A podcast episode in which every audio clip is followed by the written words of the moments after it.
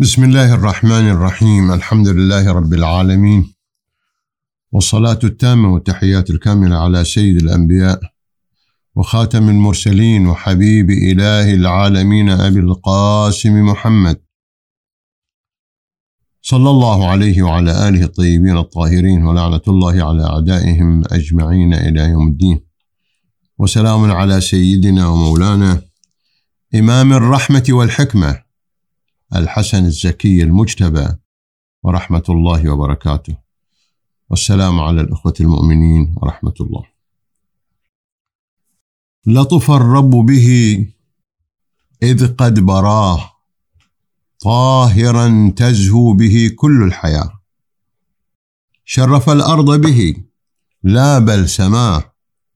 وسط الشهر تجلى ذو العلا ذاك والله رفيع الرتب نتشرف في جمعتنا هذه المباركة بالحديث عن السبط الأول ريحانة رسول الله والإمام الثاني أبي محمد الحسن المجتبى. اخترت من الحديث عن سيدنا ومولانا عنوانا هو الانسجام. وهذا طالما كررت هذه الكلمة وأعني بها أن الحديث كما في موضوعنا هذا أو في أي قضية أخرى إذا نظرت إلى الموضوع من جميع أطرافه تجد أنها متسقة متناسقة متلائمة غير متنافرة. لا يشد بعضها عن بعض وإنما هي لحمة واحدة تلك إمارة الصدق تلك إمارة الحق والحقيقة أما إذا كان القول يحكي عن شيء والفعل يحكي عن ضد ذلك القول فلا شك أنه لا تناسب ولا انسجام في هذا الموضوع. هذا العنوان أريد أن أتناوله في ضمن هذه الدائرة. في معتقدنا نحن الإمامية بأن توظيف الإمام وتعريف الإمام وتنصيب الإمام والنص عليه إنما هو من قبل الله تبارك وتعالى. والرسول الأعظم وهو صاحب الشريعة وحامل وحي الله وخزانة علم الله هو مبلغ مرسل يا أيها الرسول بلغ ما أنزل إليك من ربك إن لم تفعل فما بلغت رسالته. في هذا الموطن نأخذ طرفا من تعريف الله لأصفيائه. فكما أن الله وهذا معتقدنا وهي الميزة الفارقة بيننا وبين سوانا من المذاهب الإسلامية. يعلمون ذلك منا ونعلم ذلك منهم. فإننا نرى في الإمامة أنها من الأصول وهم يرونها من الفروع بل من الفروع الفقهية وقد يراها بعضهم أنها من العادي من من من الفرع الفقهي. المهم في حديثنا نجد بأن الله تبارك وتعالى في هذا الكتاب المنزل في هذا الكتاب المعجز في هذا الذكر الحكيم تناول اشخاصا بالمدح والثناء والذكر الخالد والذكر الحسن الجميل متمثلا ذلك في آيات كثيرة. نختار منها في حديثنا هذا ما يتعلق بالمباهلة والمباهلة قضية إسلامية كبرى فيها تحمل من الدلالات الشيء العظيم والشيء اللافت للنظر.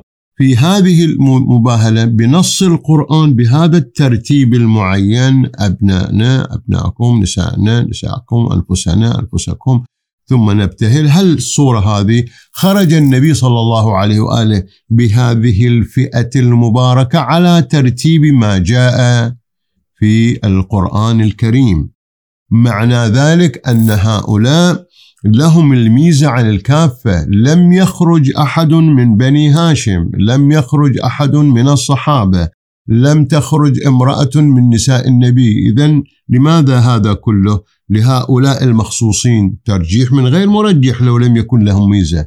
ومن هنا نلتفت إلى أن هؤلاء هم يمثلون الصفوة ويمثلون السادة ويمثلون القادة ولهذا قال أحد علمائنا الأعلام آه، أن لهؤلاء آه، دورا ومشاركة في أمر الدين وهذا الدور يمثله رسول الله رسولا ونبيا يمثله أمير المؤمنين إماما يمثله الحسن إماما يمثله الحسين إماما. إذا لهم شأن في ذلك. حتى قلت بهذا التصريح يمثله رسول الله نبيا ورسولا وعلي إماما ووصيا لأجل أن لا يتوهم حينما نقول أن لهم مشاركة في أمر هذا الدين أنهم أنبياء أنهم مرسلون. لا لهم وظائفهم لهم شؤونهم لهم مقاماتهم. إلا أن المقام الذي لهم هو أنهم في لحمة الدين وفي بنية الدين لهم الدور الفاعل. وكيف لا يكون الإمام في الدين ركنا في الدين أو عمادا في الدين؟ إذا من من المباهلة آه، نفهم جلالة المقام لهؤلاء الصفوة. هذا الاصطفاء يعني النبي صلى الله عليه وآله لم يكن متكلفين أن يأخذ هذه المجموعة. معنى ذلك بأمر الله تبارك وتعالى. وأمر الله لا بد وأن يكون عن حكمة. الطرف الآخر سواء وجدوا ذلك في كتبهم التي عندهم أو لما رأوا وانبهروا به لما رأوا هذه المجموعة المباركة قال قائلهم وكبيرهم لا تباهلوهم. إننا نرى وجوها لو أقسمت على الله أن تزيل الجبل لأزالته وهكذا أيضا جاء في الرواية أنهم لو باهلوا لما بقي نافخ ضرمة لماتوا لهلكوا. إذا هنا في هذا الموطن نستفيد من هذا الأمر نحو من التنصيب والتنصيص الإلهي الذي يحمل دلالة الكبرى. هذا موطن. نجد القرآن الكريم نجد الله تبارك وتعالى ينص على أن هؤلاء مطهرون. إنما يريد الله ليذهب عنكم الرجس أهل البيت ويطهركم تطهيرا. إذا وكذلك أيضا التفسير العملي وهو أمر لافت للنظر في كثير من المواقف ولا مجال الآن للحديث عنه التفسير العملي. في المباهلة يخرج رسول الله بهذه المجموعة المباركة. فيما يتعلق بآية التطهير يلفهم بكساء ويضمهم تحته ويأخذ طرفا منه بيد وطرفا ويدا أخرى. يرتفع طرف منها إلى السماء يقول اللهم أن هؤلاء حامتي وخاصتي وأهل بيتي فأنزل عليهم رحمتك وبركتك وأذهب عنهم الرجس وطهرهم تطهيرا وإذا بالآية القرآنية تنزل. إذا هذا الأمر في صورته وفي هيئته وفي دلالته القولية والعملية وكم في ذلك نظائر. منها بالمناسبة حتى نستوضح ما ما قلته وبما يحمل من دلالة فيما يتعلق بالغدير فيما يتعلق ب آه، الدعوة الأولية دعوة بني هاشم وأنذر عشيرتك الأقربين. تقول الرواية وضع رسول الله صلى الله عليه وآله يده على عنق علي بن أبي طالب على رقبته. يعني هذا علي بلحمه ودمه. مو اكتفاء بالاسم وإن كان الاسم الكريم يكفي في ذلك ولا بالإشارة. في الغدير حتى بان بياض إبطيهما أخذ بيده ورفعها وارتفعت اليدان الرفيعتان حتى بان بياض إبطيهما. يعني بحد يرى ذلك الناظر. إذا هذا التدليل وهذا التنصيص القولي وشرحه العملي الذي يتفق معه هذا من جملة تعريف الله تبارك وتعالى لأصفيائه. ثانيا قلنا تبليغ رسول الله صلى الله عليه وآله، وهذه النقطة طالما أنا آه، طرحتها وأشرت إليها. رسول الله لم يجعل علي بن أبي طالب وصيا له وخليفة من عنده من قبل نفسه هو كما قلنا آنفا. يا أيها الرسول بلغ.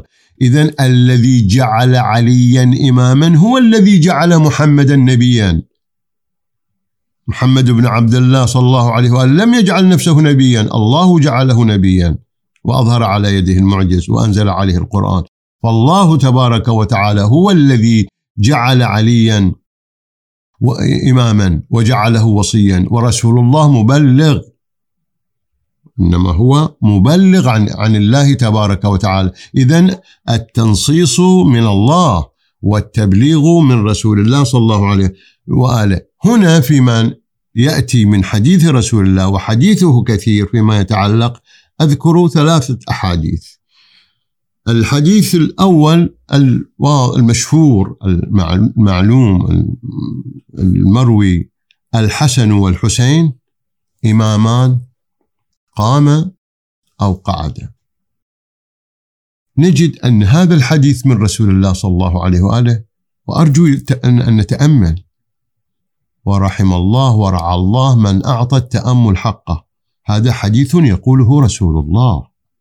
رسول الله صلى الله عليه وآله يقول هذا الحديث وكم عمر الحسنين آنذاك؟ إذا هم في المراحل الأولى من عمرهما. خمس سنوات ست سنوات أربع سنوات في هذا العمر. ما معنى لأن يقال لشخص في هذا العمر بأنه إمام قام أو قعد؟ وفي ذلك أيضا من إعلام النبوة. أولا فلنفهم أن كل كل منهما إمام سواء هو قاعد عن القيام بالحرب أو بجملة من الشؤون هو إمام. تولى ذلك وانبرى إليها وخاض غمارها هو إمام على حد سواء. إذا الحسن إمام منذ أن كان إماما سواء كان قبل الصلح بعد الصلح على حد سواء هو إمام. لأنه قام أيضا. وفي نهاية الأمر تم ما تم. إذا في كلتا الحالتين هو إمام. الإمام الحسين أيضا إمام. قبل أن يستشهد وبعد أن يستشهد وفي أثناء شهادته. إذا هذا الوصف لهما معنى ذلك في كل أحوالهما. وتمايز المواقف لا يؤثر في شأن الإمامة. وهذا حديث. ولا نطيل اللبثة وكان يستحق منا أكثر من ذلك. الحديث الثاني الحسن والحسين سيدا شباب أهل الجنة. الجنة هي النهاية. وفيها ما لا عين رأت ولا أذن سمعت ولا خطر على قلب بشر. فيها ما تشتهيه الأنفس آه هذا الحال في الجنة العظيمة رتب مقامات. فيها مرسلون فيها الأنبياء فيها الأئمة فيها العلماء. فيها الشهداء. كلهم شباب. الجنة مو مثل دنيانا. دنيانا خب الآن فيها ناس واجد سكرات من النساء والرجال. الجنة لا كلهم سمكرين شوف أنت حور عين. ولدان مخلدون بتلك الأوصاف. إذا عالم الجنة عالم خاص عالم مميز عالم حياة. عالم دوام عالم خلود. في ذلك العالم التمايز أيضا موجود فإذا بالحسنين الزكيين عليهما السلام هما سيدا شباب أهل الجنة. الشباب الذي يعني تلك المرحلة القوية ويكون لها عنوان الامتياز سواء وكلهم شباب يعني ماكو شيوخ وشياب. معنى ذلك أن الملكات أن الكمالات التي يحملها الإمامان الإمامان عليهما السلام هي في القمة فلهذا لهما السيادة. هذا الباب باب السيادة باب مفتوح لهما. وشيء طريف ولافت النظر. أمهم سيدة نساء العالمين. أبوهم سيد الأوصياء. جدهم سيد الأنبياء والمرسلين وسيد الخلق أجمعين. جدتهم خديجة سيدة النساء في وقتها. السيادة لهم ومنهم. إذا لهم في هذا المقام مقام الامتياز ومقام اختلاف الدرجات وهم في الصدارة والشأن وهذا المقام الشامخ. أيضا أكتفي بهذا المقدار من الحديث. هنا حديث طويل. ولافت للنظر. أنا أذكر شطرا منه وأرجو مراجعته وقراءته. البحار جزء 43 صفحة 333 جزء 43 صفحة 333 هذا الحديث حديث لافت ومركز على جهات مهمة نجد أن النبي الأعظم صلى الله عليه وآله يغتنمها فرصة مواتية ليقول فيها ما أراد قوله في حديثه عن سبطه المجتبى صلوات الله وسلامه عليه. هذه الرواية. قلنا من جملة حديث لأن تالي فيها بقية الحديث إظهار إعجاز للإمام عليه السلام الإمام الحسن وبيانه بأمر من الغيب وسؤال ذلك الأعرابي الذي قدم ليفتك بالنبي. حديثه طويل ولهذا قلت أرجو مراجعة ذلك. فيما نذكر من الحديث حديث حذيفة يقول بين رسول الله صلى الله عليه وآله على جبل. تقول الرواية. وأرجو التأمل. ومعه أبو بكر وعمر وعثمان وعلي عليه السلام وجماعة من المهاجرين والأنصار وأنس حاضر لهذا الحديث وحذيفة يحدث به. إذ أقبل هذا النص الحديث. إذ أقبل الحسن بن علي عليه السلام يمشي على هدوء ووقار فنظر إليه رسول الله صلى الله عليه وآله وقال أرجو الانتباه. فلنصغي لكلمات نقلت أن رسول الله صلى الله عليه وآله قالها وهو ينظر إلى ريحانته في ذلك العمر. إن جبرائيل يهديه وميكائيل يسدده وهو ولدي والطاهر من نفسي وضلع من أضلاعي. هذا سبطي وقرة عيني بأبي هو. تعبيرات لا تقال لصبي ابن ثلاث سنوات ابن أربع سنوات ابن خمس سنوات. إذا قيلت معنى ذلك تدل على إنباء عن المستقبل بشأن رفيع يتبوأه هذا المحتفى به. والمكرم بمثل هذا القول. تقول الرواية فقام رسول الله صلى الله عليه وآله وقمنا معه يعني قام استقبالا قام ترحيبا قام تكريما قام إظهارا لمقام شامخ. وقال أيضا أنت تفاحتي وأنت حبيب ومهجة قلبي وأخذ بيده فمشى معه ونحن نمشي حتى جلس وجلسنا حوله. ننظر إلى رسول الله صلى الله عليه وآله وهو لا يرفع بصره عنه. يعني كل تحديق النبي كل نظر النبي هو ملء النبي ملء عينه ملء نفسه ملء قلبه. ثم قال إنه سيكون بعدي هاديا مهديا هذا هدية من رب العالمين. لينبئ عني ويعرف الناس آثاري ويحيي سنتي ويتولى أموري في فعله. ينظر الله إليه فيرحمه. رحم الله من عرف له ذلك وبرني فيه وأكرمني فيه. هذا شطر من الحديث وللحديث شطر آخر كثير أكثر من هذا بكثير. آه، أرجو آه، من محب الحسن المجتبى وشيعته أن يقرأوا الحديث بتأمل. بعد هذا الحديث وهو جلي في مضمونه وفي مداليله آتي إلى عنوان الانسجام الذي اعنيه ما يقال في الأصحاب ما يقال في الناس ما يقال في الصحابيات ما يقال في نساء النبي ما يقال في غيرهم ما يقال في كل أحد. إن كان ذلك الممدوح الذي قرض الذي كرم الذي قيل فيه ما قيل إذا كان متحليا بما قيل فيه اذا هو ذلك الانسجام.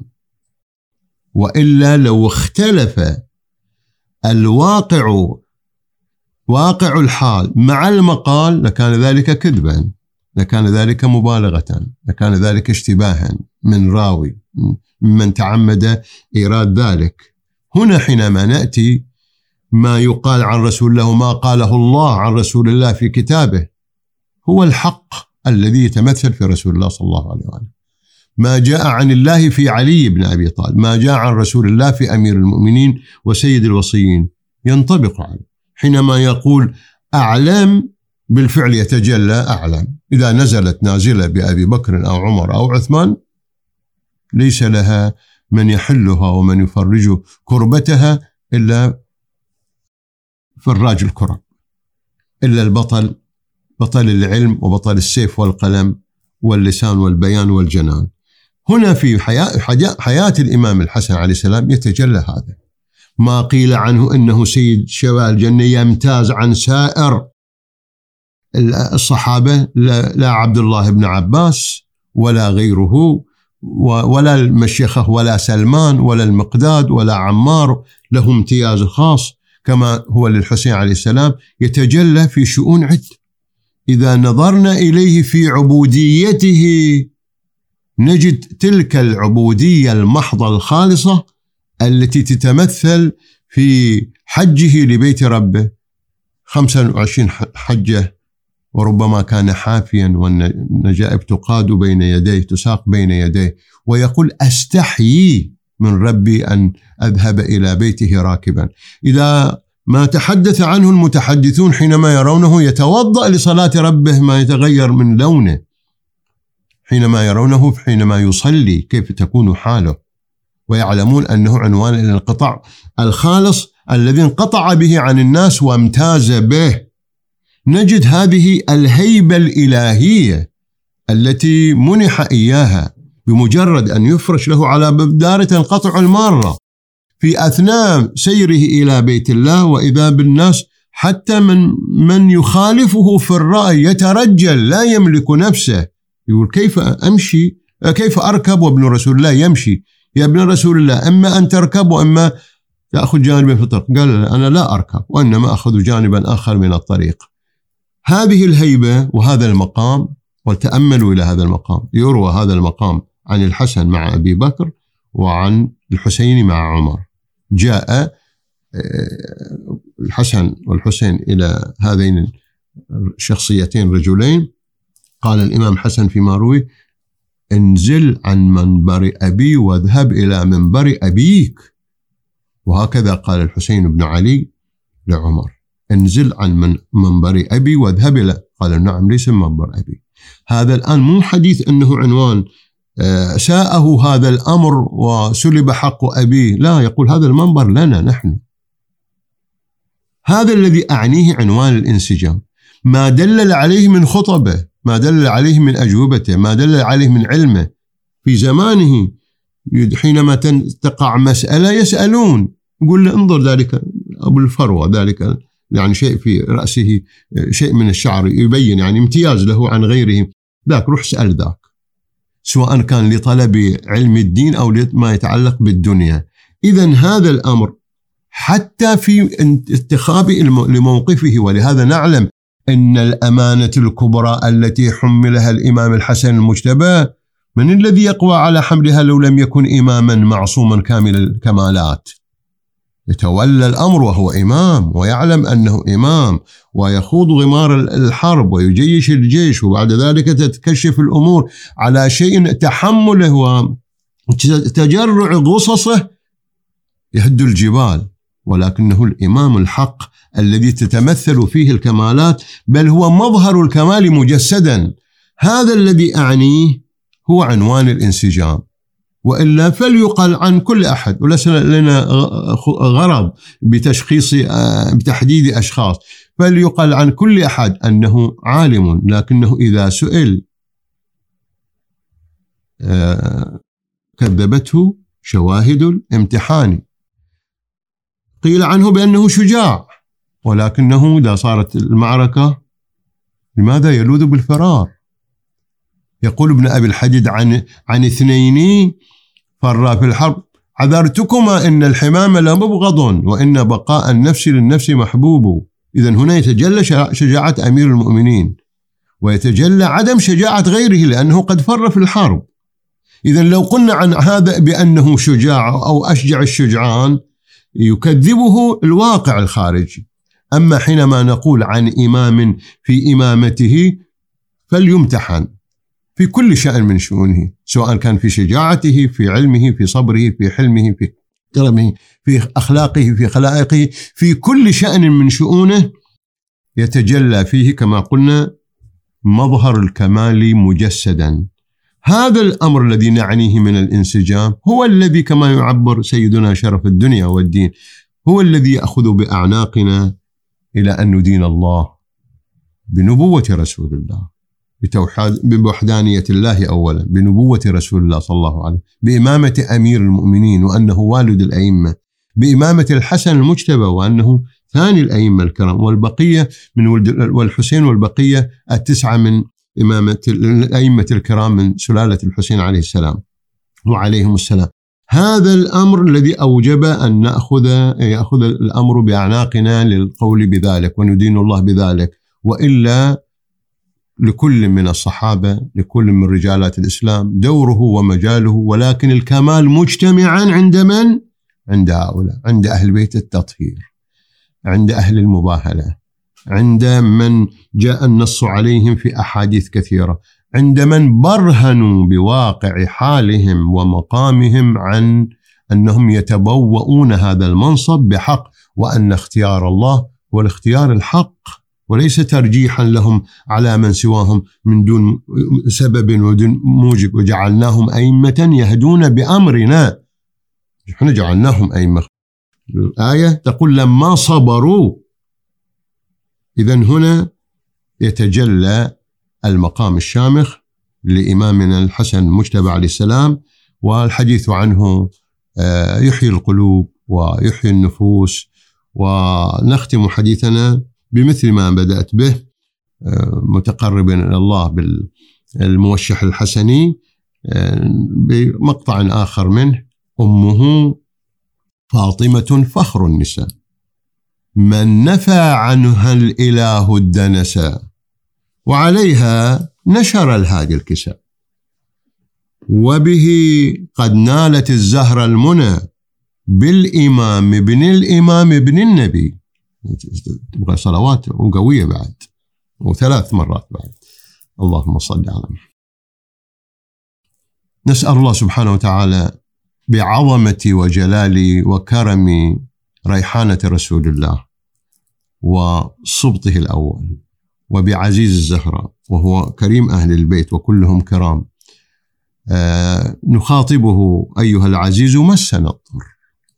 وجئنا ببضاعة مزجاة. فتصدق علينا. أحسن إلينا أيها الحسن.